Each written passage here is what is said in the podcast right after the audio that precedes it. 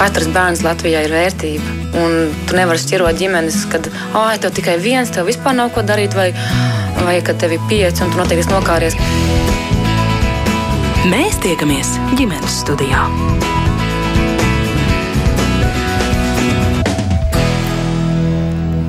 Labdien, 5 pār 2. Es priecājos sveicināt jūs visus ģimenes studijas klausītājus. Mans vārds ir Agnese Linka, un šī radījuma producente šoreiz ir Ilze Zvaigzne. Šodien par to, ko praktisku un svarīgu it visiem jaunajiem vecākiem un uh, citiem mazuļu tuviniekiem, nu par tādu tikai šķietam vienkāršu tematu - zobu šķilšanās. Šis eh, laiks var būt diezgan grūts mazulim un arī tāds īpaši saspringts eh, viņa vecākiem vai citiem tuviniekiem. Kas tad jāzina par zobu nākšanu un kā bērnam arī palīdzēt? Par to sarunu šodien ģimenes studijā, un tās dalībnieces ir primārās aprūpas pediatre no Siguldas Ilza Silanža. Labdien! Labdien! Un telefoniski mums pievienojas certificēta bērnu zobārsta Rīgas Stradiņu Universitātes stomatoloģijas institūta bērnu nodaļā, arī Rīgas Stradiņu Universitātes zobu terapijas un mutes veselības katedras docente dr. Līga Kroniņa. Labdien! Es piebildīšu, ka šodien, kā ierasts eh, klausītāji, mēs gaidīsim arī jūsu jautājumus vai kādus komentārus, eh, ja tādi rodas un jums ir kas sakāms mūsu šīs dienas eh, sarunas sakarā. Droši rakstiet mums, sūtiet ziņas no Latvijas radio mājaslapas, un es domāju, ka droši varat doktorēm arī ko pajautāt, un viņas centīsies jums šodien atbildēt. Es eh, vērsīšos vispirms, eh, Nilza, pie jums ar jautājumu, vai es pareizi esmu izdomājusi, ka tas pirmais speciālists, ar kuru tomēr parasti tiek apspriesta bērnu zobu eh, veselība un, un bērnu zobu tematika, tas nemaz nav zobārsts, tas nav stomatologs, bet tas būs vairumā gadījumu mm, ģimenes ārsts vai arī, nu, kā jūsu gadījumā, tiešās pieejamības primārās aprūpas pediatrs. Vai tā var teikt? Jā, jo tas ietilpst dabīgajā bērnu attīstībā, šī zobu šķilšanās, un, un ir bērni, kuriem šie, šis process paiet nemanāmi un ģimenēm, bet ir arī, kam, kam sagādā zināmas problēmas. Mm -hmm. Kas ir tie eh, jautājumi, kas vecākus interesē? Kas ir tās pirmās lietas, ko viņi jums vaicā par bērnu zobu nākšanu? Nu, tie jautājumi ir, vai, vai ir tas, kas ir dzirdēts eh, jau iepriekš un, un no radiem draugiem un paziņām, ja šis process, kāds viņš būs, vai tur tas bērns būs kašķīgāks, vai tur būs temperatūra, vai, vai, vai slimos. E, šīs ir tās bažas, kas jau tā kā iepriekš nu, kā tiek uzdoti šie jautājumi, ja kādam nu, paziņam ir bijušas kaut kādas problēmas. Mm -hmm.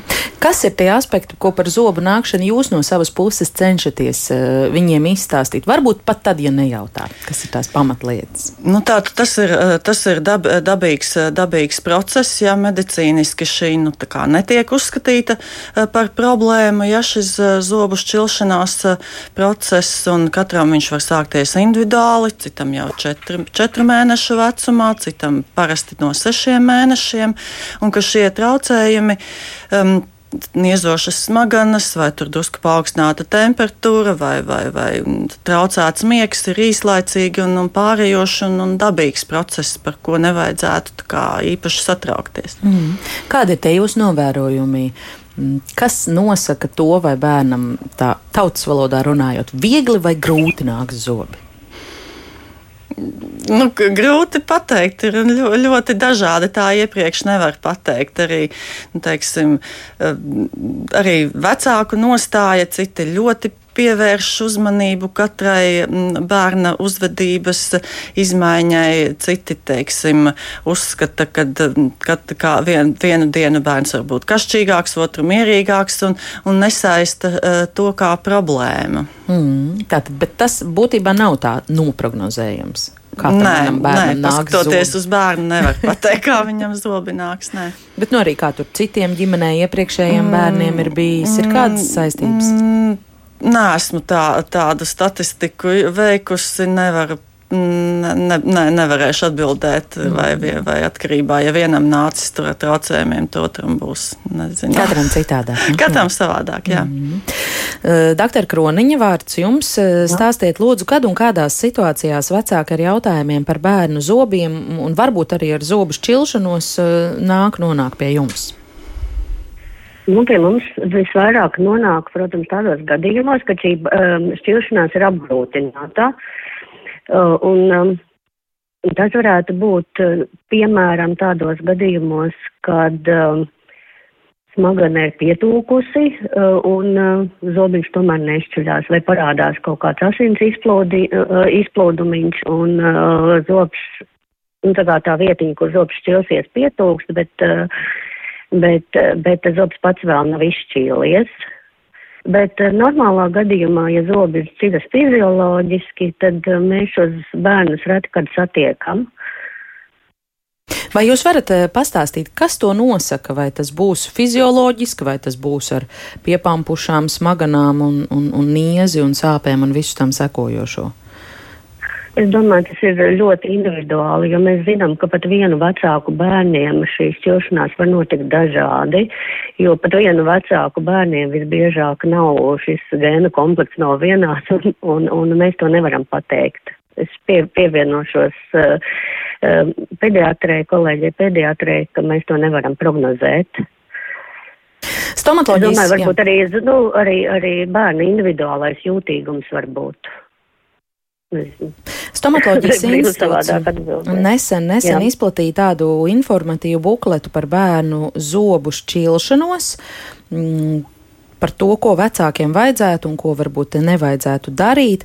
Kas ir tas svarīgākais, kādu informāciju ar šo jūs vēlējāties nodot? Nu, pirmkārt, mēs gribējām nodot uh, to, kas ir norma, un, uh, pieņemsim, man arī šobrīd ir šis buklets ir acu priekšā, uh, kādā vecumā parasti visbiežāk šķīļas zobi, uh, kādas ir šīs zobu šķilšanās pazīmes, kas ir, tieši kā jau es teicu, kas ir fizioloģiski, jā, un kas savukārt vairs nav fizioloģiski, kas nav īsta norma.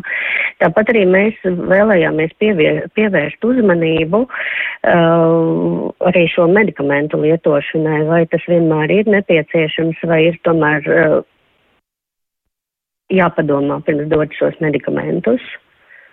Vai mēs varētu tā punktu pa punktam tad izrunāt to svarīgāko, kas šajā informatīvajā materiālā ir iekļauts? Ne visi to ir redzējuši un apskatījuši. Varbūt, ka jūs tad varētu mm, izstāstīt, kas ir tas eh, pirmais. Tās ir tās fāzes, tās stadijas, kuri zobiņi, kurā vecumā nāk.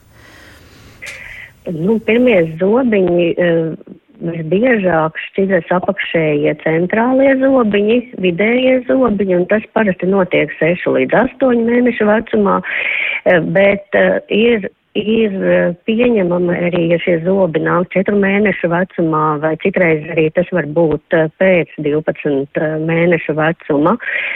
Un, un Tad nākamā secība ir šķiras pretējie zobiņi, visbiežāk augšējie uh, vidējie zobiņi, priekšzobiņi. Tad uh, jāpievērš uzmanību, ka tad, kad visi priekšzobi ir izšķīlušies, pēc gada vecuma nākamie nāk sānu zobiņi, un tos vecāki bieži nepamana. Un tikai tad, kad ir uh, sānu dzeroklīši ir izšķīlušies, tikai tad nāk acu zobi šķiļas. Un uh, tad visbeidzot, tas, tas notiek līdz uh, divu gadu vecumam, un tad divu gadu vecumā vēl nāk pēdējie piena zobi, tie ir otrie piena zeroklīši. Tas nozīmē, ka tādu... Jā, jā, lūdzu. Jā, līdz divi ar pus trīs gada vecumam piena sakodzienam vajadzētu būt pabeigtam, noformētam, kā mēs sakam, un šiem zobiem, 20 zobiem vajadzētu būt mutē. Tas nozīmē, ka līdz pat trīs gadu vecumam mēs varam rēķināties ar brīdi pa brīdim tādām nemierīgākām naktīm.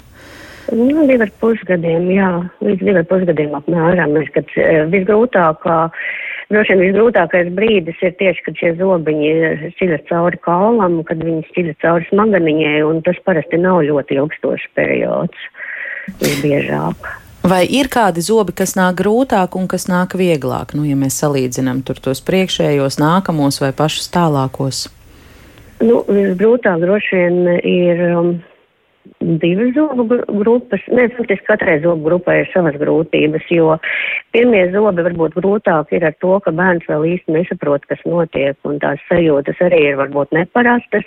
Uh, un uh, tad katram savā nākamajai zobu grupai tas var būt uh, citas grūtības, piemēram, dzeroklīši vienkārši ir lielāka izmērā. Un tādēļ var rasties šīs šķiršanās grūtības. Citi savukārt saka, ka grūtāk šķiras tieši acu zobi, bet pieņem, ka tas arī ir individuāli.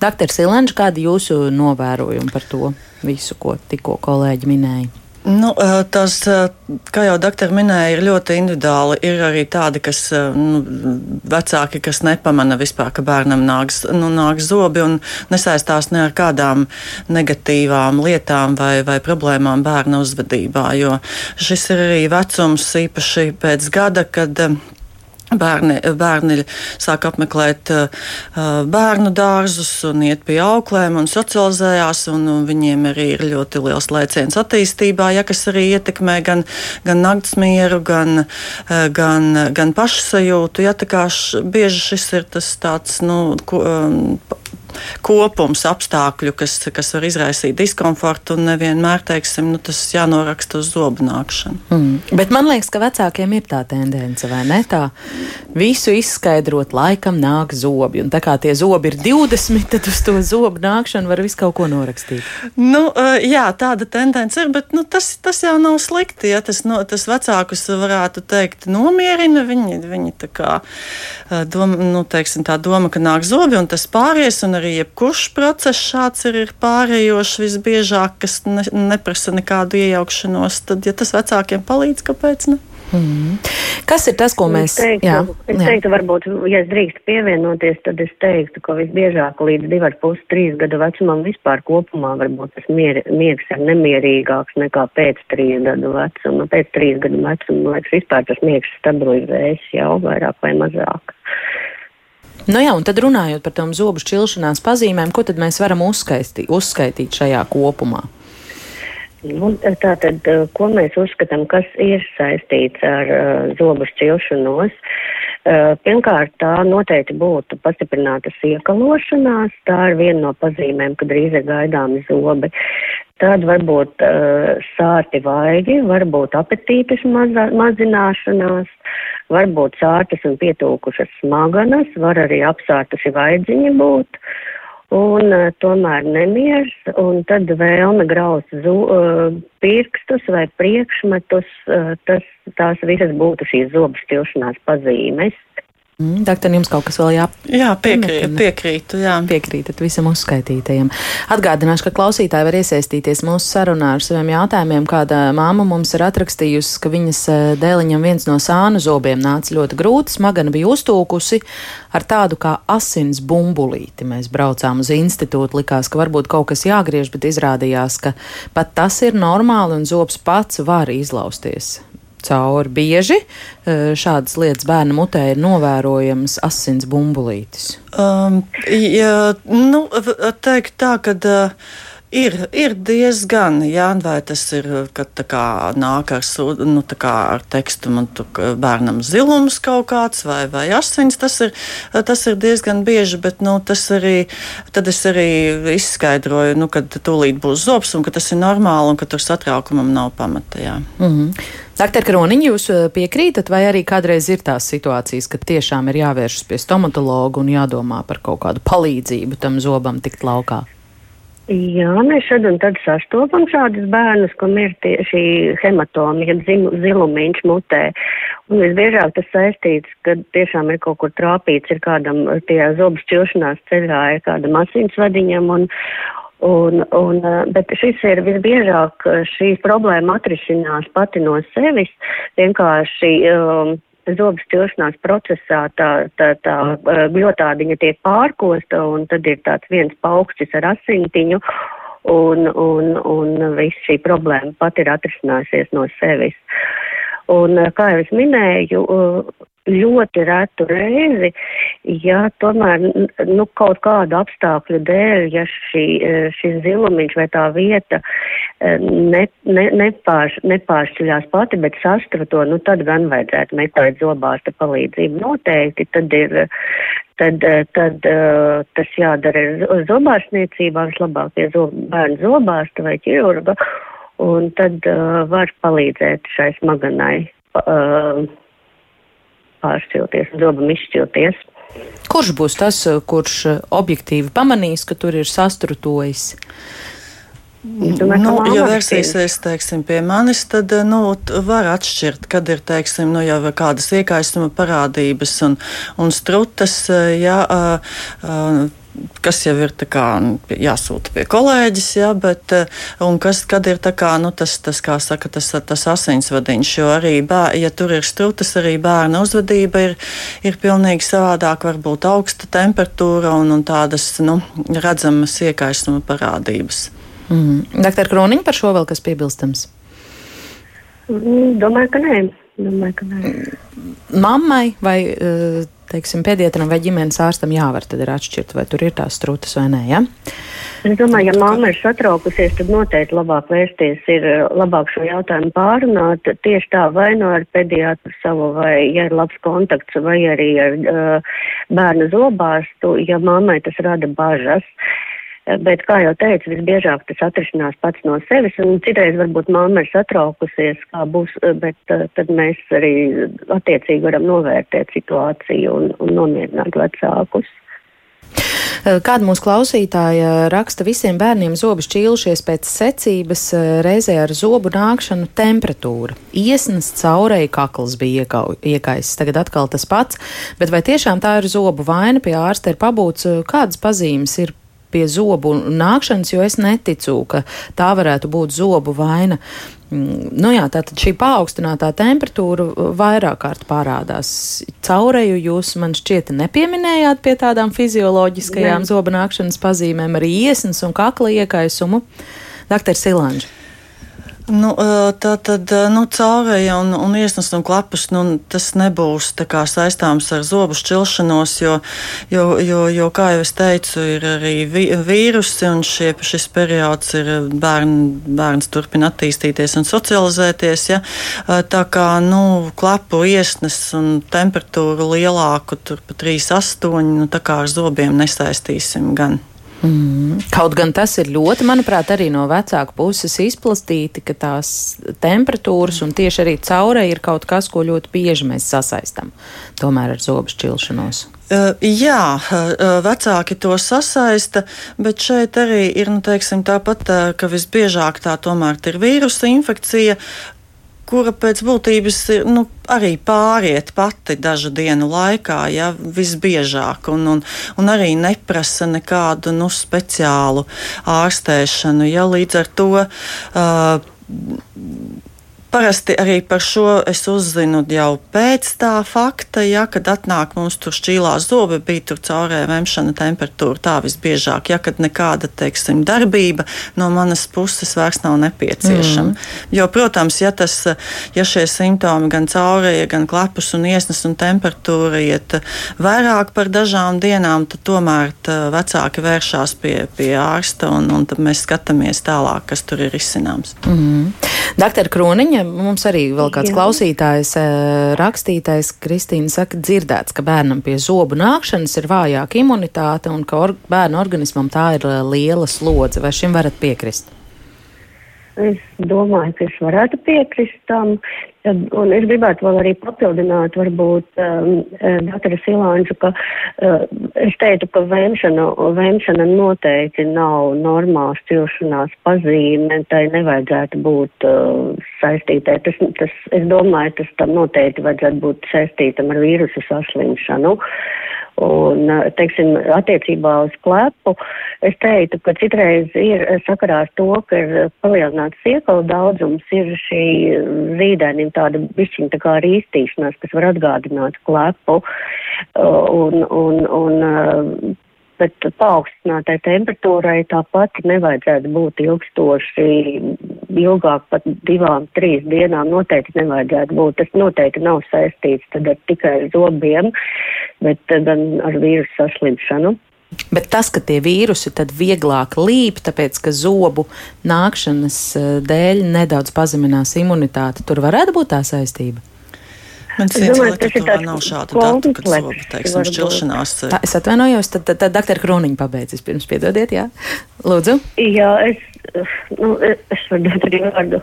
Es domāju, ka uh, ap šiem četriem, sešiem mēnešiem vispār šī imunitāte krīt, tur ir tā saucamās tās. Uh, imunoloģiskās šķēres ir, e, jā, varbūt, ka uh, doktori vēl papildinās. Un tas tieši ir tas laiks, kad, nu, kad pamazām savas uzstās no mātes iegūtās antivielas, bet pašam vēl savas tās antivielas nav izveidojušās. Un, un varbūt tas ir tas iemesls, uh, iespējams, tas ir tas iemesls, kāpēc tieši šajā vecumā arī bērnam ir vieglāk šīs vīrusu infekcijas iegūt.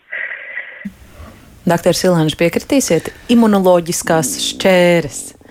Nu, ap sešiem mēnešiem zūd antivielas, kas saņemtas no mātes, bet teikt, ka zobu šķilšanās izraisa imunitātes pazemināšanos, nu, laikam nē. Mm -hmm.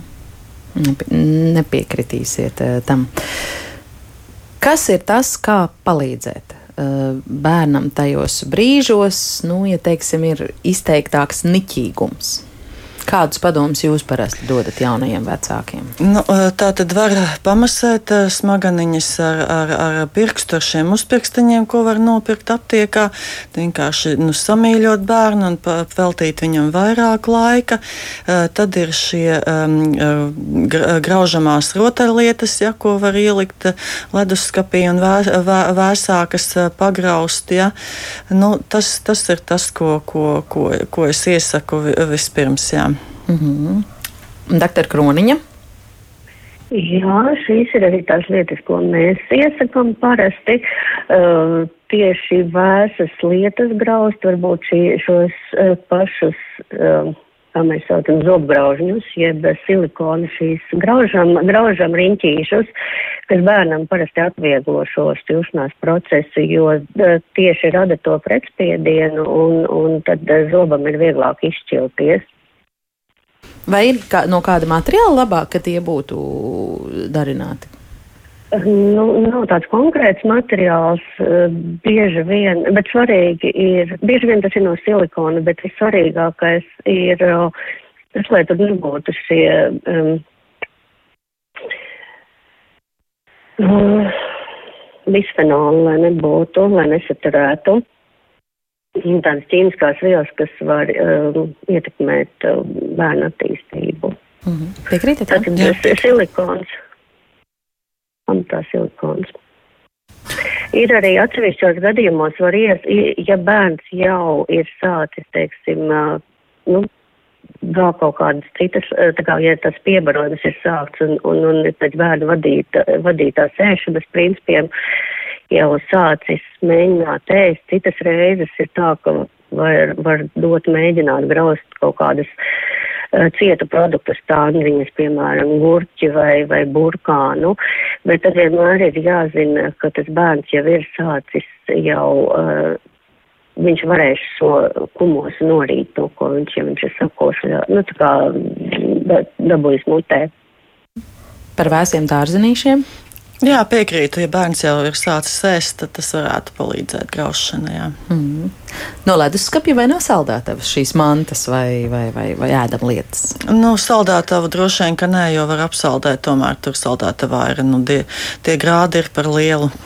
Mm. Uh, kāpēc? Mēs uh, neiesakām dažne dažādas uh, smērītes vai ziedītes. Es domāju, ka to mēs varētu atlikt kā tādu īpašo centrālo jautājumu, jo tas ir kaut kas, kas arī man bija jaunums, ka dažne dažādi medicīniski palīgi līdzekļi vairumā gadījumu vairs netiek uh, ieteikti. Es domāju, ka tagad mēs dosim iespēju skanēt mūzikai, ievilksim elpu un tad uz šo jautājumu, kāpēc mēs neiesakām um, medicīniskas. Uh, vielas ziest uz bērniem, uz, uz, uz viņu smaganām. Pēc mirkļa sāksim atbildēt uz šo, teiktu, galveno jautājumu. Mēs tiekamies ģimenes studijā. Un ģimenes studijā šodien mēs runājam par to, ko derīgi zināt par bērnu zobu šķilšanās eh, procesu. Manas sarunu biedrenes ir primārās aprūpas pediatra no Siguldas Ilza Silanža un arī certificēta bērnu zobārste Rīgas Stradiņa Universitātes stomatoloģijas institūta bērnu nodaļā un Rīgas Stradiņa Universitātes zobu terapijas un mutes veselības katedras docente dr. Līga Kroniņa. Eh, pirms dziesmas es jau teicu, jā, ka tāds galvenais šī raidījuma fokus eh, ir uz um, mūsu prāti jauninājumu, ka bērniem šobrīd eh, žobu šķilšanās laikā netiek uh, ieteiktas uh, atsāpinošās smēres vai ziedas, un tas ir kaut kas, ko tieši uh, stomatoloģijas institūts uh, akcentē. Nesen izplatīts arī informatīvs buklets par bērnu žobu šķilšanos un aicinājums, ko vecākiem vajadzētu un ko nevajadzētu uh, darīt. Un viena no svarīgākajām lietām, jā, iespējams, ka nevajadzētu lietot atsāpinošos, medikamentus uz bērnu smaganām, bērnu zobu šķilšanās laikā. Doktor Kroniņa, vai jūs varētu izstāstīt nedaudz plašāk, kāpēc šāds aicinājums? Halo! Līgā esat ar mums, jā? Ja? Jautājums jums. Uh, Halo, dzirdat mani? Mēs dzirdam, jā, jā. jā. jā, jā Stāstiet, jā, lūdzu, kāpēc eh, nav ieteicams eh, kaut kādas eh, smēres vai gēli, kas ir atsāpinoši bērniem zobu šķilšanās laikā? Jo šķiet tāda jā. diezgan izplatīta un pašsaprotama lieta līdz šim nu, bijusi. Ma, jā, mamma vienmēr gribas kaut ko darīt, kaut ko konkrētu, lai bērns justos labāk zobu šķilšanās laikā. Jo tas nemieris reizēm ir um, grūti izturams, un tad liekas, ka noteikti kaut kas ir jādara, lai tas bērns justos labāk. Un tad tās lokālās anestezējošās ziedes liekas tas viens no vieglāk pieejamiem līdzekļiem, ko, ko eh, gribētos lietot. Bet uh, lieta ir tāda, ka uh, ir vairāki pētījumi, kur nav, uh, nav pierādīta, šo, ka šīs lokālās anestezējošās ziedas tiešām uh, iedarbojas. Viņas, uh, ja viņas palīdz, tad viņas palīdz uz kaut kādām nedaudz minūtēm. Un, uh, arī tas, ka tie ziedēni, tie blakus efekti nav pilnībā apzināti un uh, tās ziedas ir ļoti viegli arī pārdozēt, jo viss, ko bērnam lie, mēs liekam mutē, tas viss tiks norīts un var dot arī uh, iespaidu uz kopējo organismu. Uh, Un, un, un tāpēc ir tā, ka šo, šo ziežu lietošana nav īsti pamatota.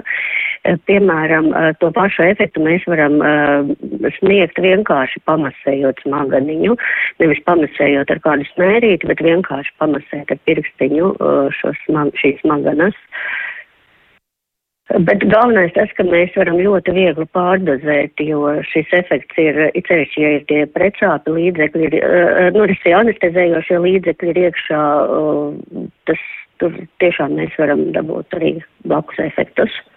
Tieši par šo mums uh, raksta klausītāja Inese. Viņa vaicā, viņa gan pie, piemina konkrētu smēri, bet es zīmolu un, un, nosaukumu nenosaukšu šai smērei.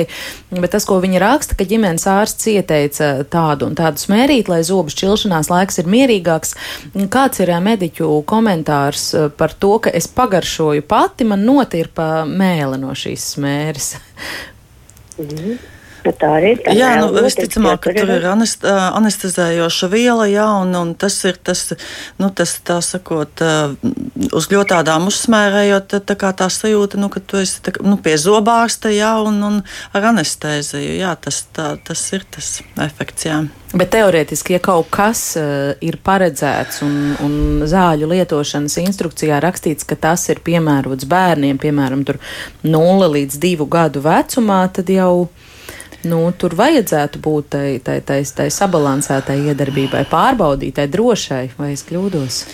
Uh, jā, tā tas, ja, ja tas ir paredzēts bērniem, tad, uh, tad viņam uh, vajadzētu būt šim medikamentam piemērotam, bet arī, kā, kā jau mēs dzirdam un, un zinām, ka uzskati, uzskati mainās, jā, un, un vienmēr jāizvērtē arī tā kā šis periods, kad viņš, ka bēr, bērniņš varbūt ir diskomfortā, ir, ir vairākas dienas, un tā kā šī īsla, iedarbība ir īslaicīga, tad, ja tā smēre būs mājās, jā, tad iespējams ļoti iespējams, ka viņa tiks lietota par, par daudz un par biežu.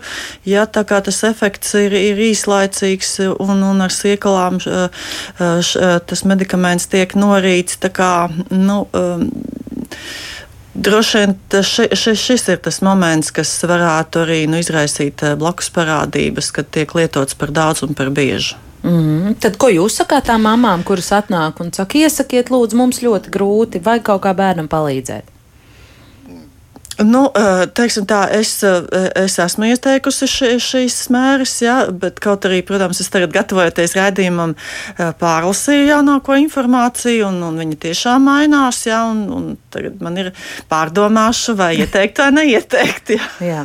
Doktor Kroniņa, vēl kāds varbūt komentārs par to notirpšanu, mēlis notirpšanu no anestētiskajām bērnu smērītēm? Jā, jā atsevišķi no šī, atsevišķas ziedas no šīm, ko iesaka tieši, tieši labi šķiršanās laikā viņas satura vai lidokaīnu vai benzokaīnu, un mums tiešām ir jāizvairās no šī benzokaīna benzokaīna lietošanas, jo tas ir tiešām var atstāt sistēmiskas iespaidas uz asins ainu un, un, uh, un uh, asins sastāvu, tāpēc mums ir jāuzmanās no šiem līdzekļiem.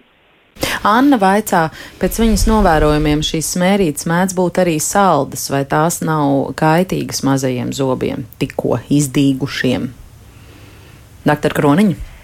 Jā, mēs Noteikti negribam cukuru, bet, protams, vienmēr jāskatās, kas tas ir. Nu, mēs noteikti negribam pievienot cukuru vai nekādus saldinātājus. Um, vispār lietot uzturā līdz, vismaz līdz divu gadu vecumam. Uh, Mēs vēlamies izvairīties no cukurs eh, saturošiem produktiem vispār vai saldinātiem. Eh, bet, eh, ja kas ir, kas ir salds, bērnam ir vairāk vēlme to norīt, un tas atkal var no, novest pie šīs pārdazēšanas.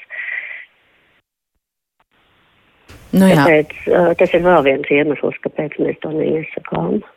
Klausītāja Ulrika lūdzu vēlreiz un lieliem burtiem pateikt tos vielu nosaukumus, no kā ir jāizvairās. Ko vajadzētu apskatīt ziedes sastāvā, kam tur noteikti nevajadzētu būt, kas bija tās vielas, jūs, doktor, laikam pieminējāt? Jā, mēs nevēlamies šos anestezējošos līdzekļus. Un savukārt, ja šo anestezējošo līdzekļu nav, ja šo anestezējošo līdzekļu nav, tas nozīmē, ka mēs to pašu efektu varam panākt, uh, masējot šo zobiņus bērnam, pamasējot to šķilšanās vietiņu, uh, māma pati ar saviem pirkstiem. Mm -hmm. Kā Lidokaīns bija viena viela, ja? ko jūs teicāt, no kuras vajadzētu izvairīties, un kas bija otra līga? Benzokaīns, benzokaīns ir tā lieta. Benzokaīns. No benzokrīns ir jā. Mm -hmm. Labi, Ilga vaicā, mana māma joprojām vēlas noskaidrot, kāpēc man zobiņi nešķīlās līdz gada vecumam, un tad, kad tie sāka šķilties, tad esot gājis ļoti grūti, un ārsts devis mazu cerību, Nav gan skaidrs, uz ko, bet mums izdevās. Tā tad ilgi pie zobiem ir tikusi. Jautājums varētu būt tāds, kas nosaka to, cik agri vai vēlu konkrētajam cilvēku bērnam sāk šķilties zobi. Vienam trīs mēnešu vecumā, un otram tikai ap gadu, piemēram, paši pirmie tikai. Dr. Silanģa? Tātad nu, lielā mērā tas ir ģenētiski noteikts, jo arī ja, ja, ja pašiem vecākiem vai, vai arī citiem bērniem ir, ir šķīlušies ātrāk vai vēlāk, ja, tad arī visticamāk, ka arī nākamajiem bērniem būs, būs, būs arī apmēram tajā pašā laikā. Tas nu, tā ir. Mm. Vairāk ģenētiski faktori. Protams, ja, ja, ja ir kaut kādas kroniskas slimības vai ģenētiskas, tad tas ir pavisam cita situācija, bet normālos apstākļos lielā mērā tas ir ģenētiski noteikti. Mm -hmm. Bet, nu, ja, ja ilgas māma par to brīnās, tad droši vien viņai pašai tāda pieredze nav bijusi, vai arī viņa par to nezina. Jā, nu, viņai pašai arī... vēl zobi šķīlušies. Jā, dažādi. Mm. Līgi jums par šo vēl kas ir piebilstams varbūt?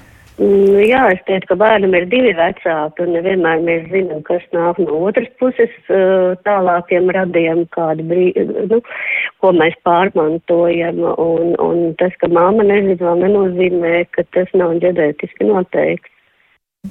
Gatavojoties rādījumam, domājot par šo sarunas tematu, es aizdomājos par to, cik uzmanīgi vispār vecākiem šis process ir jāvēro, jo, kā jau Ilze iepriekš minēja, kādam iznāk tie zobi pavisam nemanot, un viņi ir mutē, un visiem viss ir kārtībā, un nav temperatūru, un nav nekādu ne fizioloģisko, ne nefizioloģisko pazīmju visam šim procesam, un tad arī ir tā, ka var mierīgu sirdi tam nekādu uzmanību nepievērst, vai tomēr šis process būtu jāpavēro rūpīgi, un tas ir stāsts jau par pirmo zobu kopšanu.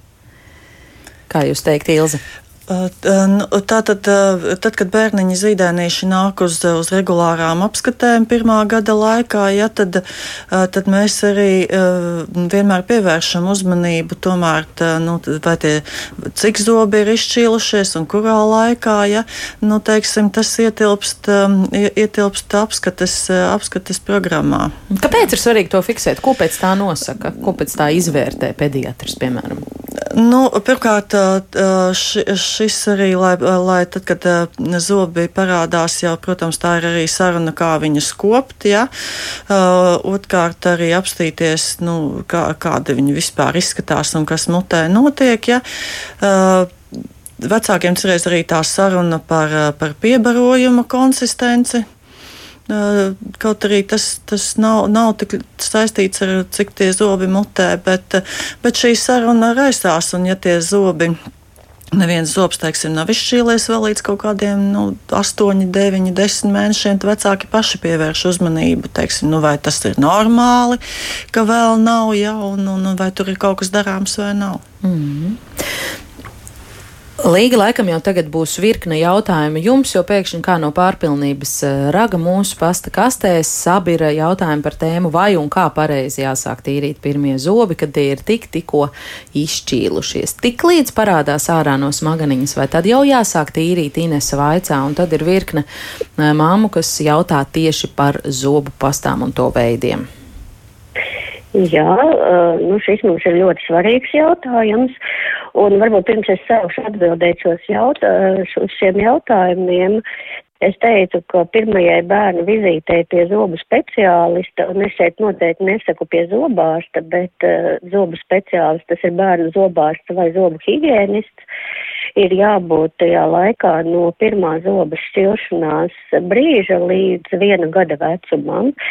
Un tas vizītes mērķis, protams, nav, nav kaut kādā veidā nomocīt bērnu, bet tomēr novērtēt arī šo zobu, bērnu zobu attīstību, varbūt iepazīties ar vecākiem un bērnu. Uh, arī vecākiem iepazīties ar zobu speciālistu un izrunāt tieši šīs lietas par to, kā kopt eh, bērna zobus pareizi un kādas zobu pastas lietot un, un arī par šiem ēšanas faktoriem. Tad kā tad ir jākopja pirmie zobiņi un kad Jā. tas jāsāk darīt? Tā tad jāsāk šī zobu kopšanu. Var sākt jau pat pirms, pirms, pirms ir izšķīlies pirmais zobs un ir šīs tīrīšanas salvetes, kas ir mutē. Bet pats pēdējais brīdis sākt kopt zobiņus ir tad, kad šis zobs jau šķiļās un parādās putē. Jo, ja to nesāk ar pirmo brīdi, tad bieži vien ir tā, ka vecāki saka, ka vai mums tas zobs jau izšķīlās nodrupis, bet tā tā parasti nenotiek. Bieži vien ir tā, ka šādos gadījumos vecāki nav pamanījuši, ka tas zops ir sācis šķilties un, un, un uh, ir bijuši kaut kādi kaitīgie faktori. Tā tad. Uh, Mēs varam, protams, mēs varam pašas, pašā pirmajā brīdī, mēs varam šo zobus notīrīt, uh, varbūt ar marlīti, bet būtībā tas uh, vērtīgākais būtu ar ļoti mazu, ļoti mīkstu zobu birstīti kopt jau ar pirmo zobu. Un noteikti ir uh, arī zobu pastei jābūt ar šo pirmo zobu. Uh, nav tā, ka mēs, mēs, mēs tikai kopjam ar šo marlīti. Jābūt ir arī zobu pastei, jo tā zobu pasta ir tas, kas palīdz mums šo zobiņu nostiprināt.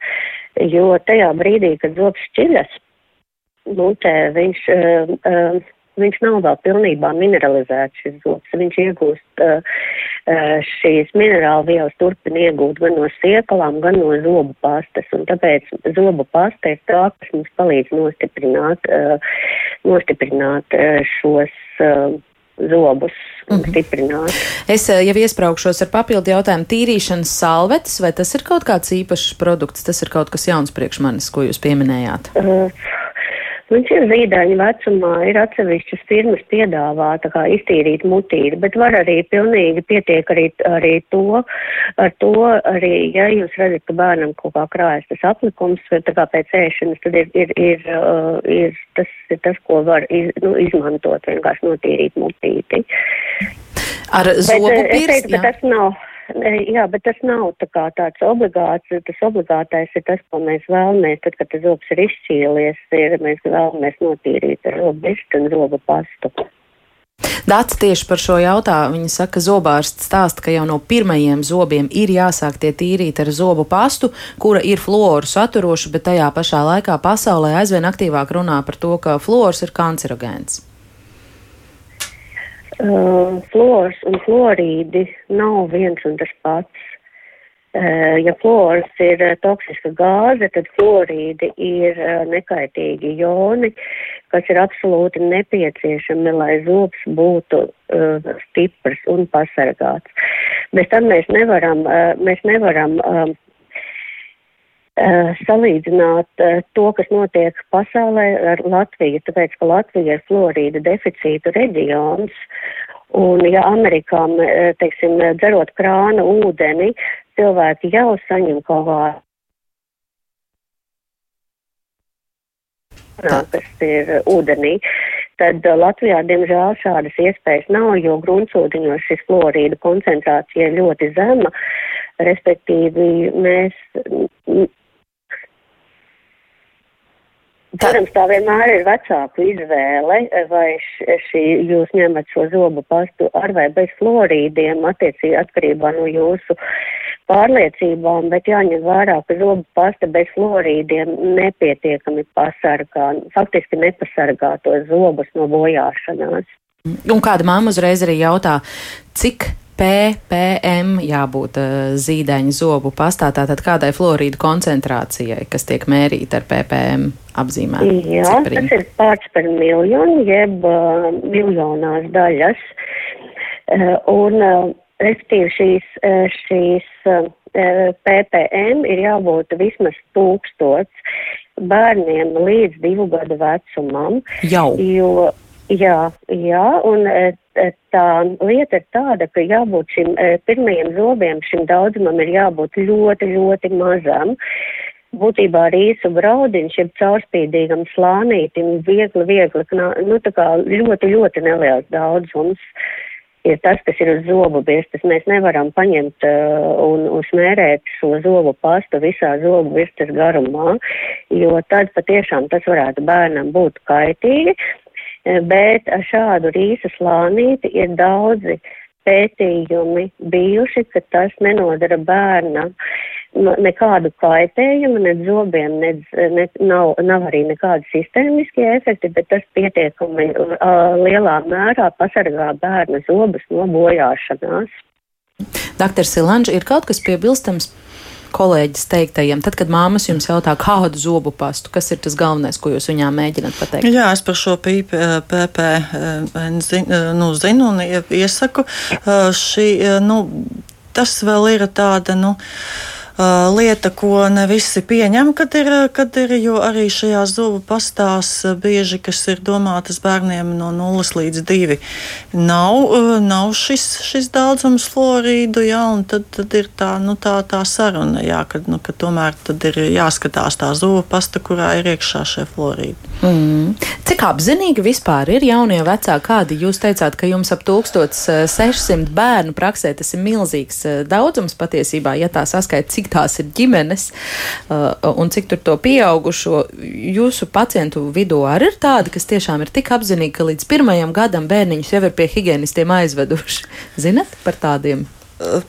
Mm, šeit, šeit, protams, es piekrītu doktorai, ka šis būtu tas ideālais variants, bet, nu, diemžēl, tā reālā situācija ir tāda, ka zobu higienistu pieejamība un, un to higienistu pieejamība, kas strādā ar, ar bērniem, mm -hmm. nu, mhm. diemžēl ir, ir tālu no ideālā, ja, jo viņi visi ir ļoti nos, nu, noslogoti un, tā, un, un, un diemžēl, nu, nevar tos, to, to, to zīdaini teiksim, nu, tas ir, nu, varētu teikt, nu, e, nu, nu, tad ir jābūt ļoti tādai lielai vecāku iniciatīvai, ja viņi tiešām uh, grib šo bērniņu uh, kā, mm. aizvest pie, pie higienista.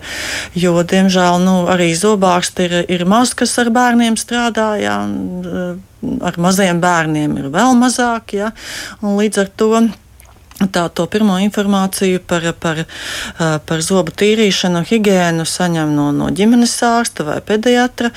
Un, un, ir vecāki ļoti ir, ir apzinīgi, kas arī tīra zobus, un, jo šī apz, apzinīgums ir arī roku rokā ar to, ka netiek doti šie saldinātie dzērieni, sulas, smūtī. Nu, tagad šis produktu klāsts ir, ir milzīgs. Cukurs ir visur, cukurs, jā, jā. Protams, un, un līdz ar to, ja vecāki vecāki apzinīgi arī tīra zobus, tad, arī, tad viņi arī pievērš uzmanību, lai nebūtu šo, šie, šie cukuru saturošie dzērieni. Ja? Bet ir diemžēl arī ir tādi, kas nu, teiksim, nu, tos lieto cukurotos dzērienus neatkarīgi no tā, ko, ko viņiem iesaka vai neiesaka. Mm. Un tad arī tā zobu higiēna, nu, diemžēl tas iet roku rokā, ja tas dzīvesveids ar, ar zobu higiēnas ievērošanu. Mm. Kā vienmēr paši interesantākie jautājumi jautājumi, kāpēc pienāk pašās pēdējās raidījuma minūtēs. Varbūt mēģināsim ļoti ātri uz tiem atbildēt. Ija raksta, ka viņai un citiem viņas dzimtas bērniem pirmie zobi nāca īsi pirms gada, ēda visu bez zobiem, bet zobi visiem mums ir ļoti labi tuvu pie 50. Vai ir šī taistība starp to, cik agri vai vēlu iznāk pirmie zobi un to, cik tie tālākajā dzīvē ir veselīgi? Doktor Kroniņa? Īsi. Uh, īsi. Uh, tiem bērniem, kam šķiļas ātrāk, eh, šie zobi nav vēl uh, saņēmuši tik daudz minerālu vielas, nav šis mineralizācijas process vēl nu, nav tik tālu ticis. Līdz ar to, uh, protams, labāk ir tad, tajā gadījumā, kad šķiļas vēlāk nekā tad, kad šķiļas ātrāk. Tad tāda saistība tur varētu ja, ja, būt, jā. Ja zobi ir izšķīlusies ātrāk, viņi arī ir ātrāk pakļauti šiem kaitīgiem faktoriem, mm. Dāca raksta, ka viņas dēlam bijusi tāda sagadīšanās, kā nāca zobi, tā nācies lietot vai nu inhalācijas vai antibiotikas, un arī mazākai meitai bijis tā, ka pie zobu nākšanas mm, ir sagadījies lietot eh, zāles, stomatīts ar 39 grādu temperatūru bez antibiotikām nevarēja iztikt. Kā dažādu zāļu lietošana tieši zobu šķilšanās laikā ietekmē zobu veselību? Pavisam īsi, tiešām trīs minūtes palikušas. Jā, mēs, mēs zinām, ka visi šie līdzekļi, diemžēl, ir satura uh, vai nu saldus vai skābus, uh, tad viņi ir saldi vai skābi. Eh, līdz ar to nevis antibiotikas ir tās, kas bojā zobus, bet eh, šis sīrups ir tas, kas bojā zobus. Līdz ar to, ja mēs dodam antibiotikas, mums noteikti jādod ir arī uzdzert ūdens eh, vai jāiztīra zobi. Tas pats ir arī pēc inhalācijām, ventolīna vai, vai kādu citu šo inhalāciju lietošanas ir noteikti ir jāizskalo mute vai jāiztīra zobi. Mm. Par šo vēl kāds komentārs? Nu, tā kā antibiotika lietošana pārsvarā ir kursa veidā, un, un viņi nav ilglaicīgi, ja, tad, eh, tad eh, tā ietekme uz zobiem droši vien, ka nav pārāk nelabvēlīgi, ja, teiksim, jo, ja bērns padzerās, un antibiotikas jau nelieto tur mēnešiem. Mm -hmm. Un varbūt vēl Sandras jautājumu varam pagūt atbildēt. Līdz sešu gadu vecumam viņa rakstīja, ka tīrījusi zobus ar zobu pastu bez flora un neskaloja muti pēc tīrīšanas bērnam. Viņam nebija neviena caura zoba vai tiešām flors, nu vai gadījumā laikam florīdi, jāsaka pareizi, ir tāda panacēja labiem zobiem, jautā Sandra. Nu, tad, doktor Kroniņ, jums pēdējais pēdējais vārds? Jā, mēs varam vienmēr spēlēt krievu ruleti un domāt, vai mums paveiksies vai nē, bet uh, nu, mums, diemžēl, tā situācija Latvijā nav tāda, lai mēs varētu ieteikt tīrīt zobu, zobus bez ar zobu pastu bez florīdiem. Diemžēl, ja jūs gribat, lai zobi būtu pasargāti, tad uh, šie florīdi zobu pastā ir vajadzīgi un viņiem jābūt pietiekamā līmenī. Piekrīt? Jā, jo mēs daudz Piekrīt, vairāk redzam, jā, jo mēs daudz vairāk redzam šo sabojātos zobus, kur nav, nav, nav šī pasta bijusi pietiekami stipra nekā tos, kur ir tīrījuši bez lorīdiem un, un, un, un ir joprojām ar veseliem zobiem.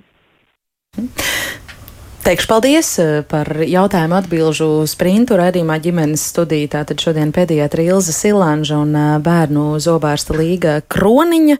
Un, ehm, jā, raidījumu veido Ilze Zvaigzne, Rita Kārnaču un Esagnes Linka, lai visiem eh, veseli zobi, lai mierīgs zobu šķilšanās laiks mazuļiem un viņu vecākiem. Paldies, klausieties ģimenes studiju arī podkāstos un sekojiet mums sociālos tīklos uz tikšanos tur un uz sadzirdēšanos.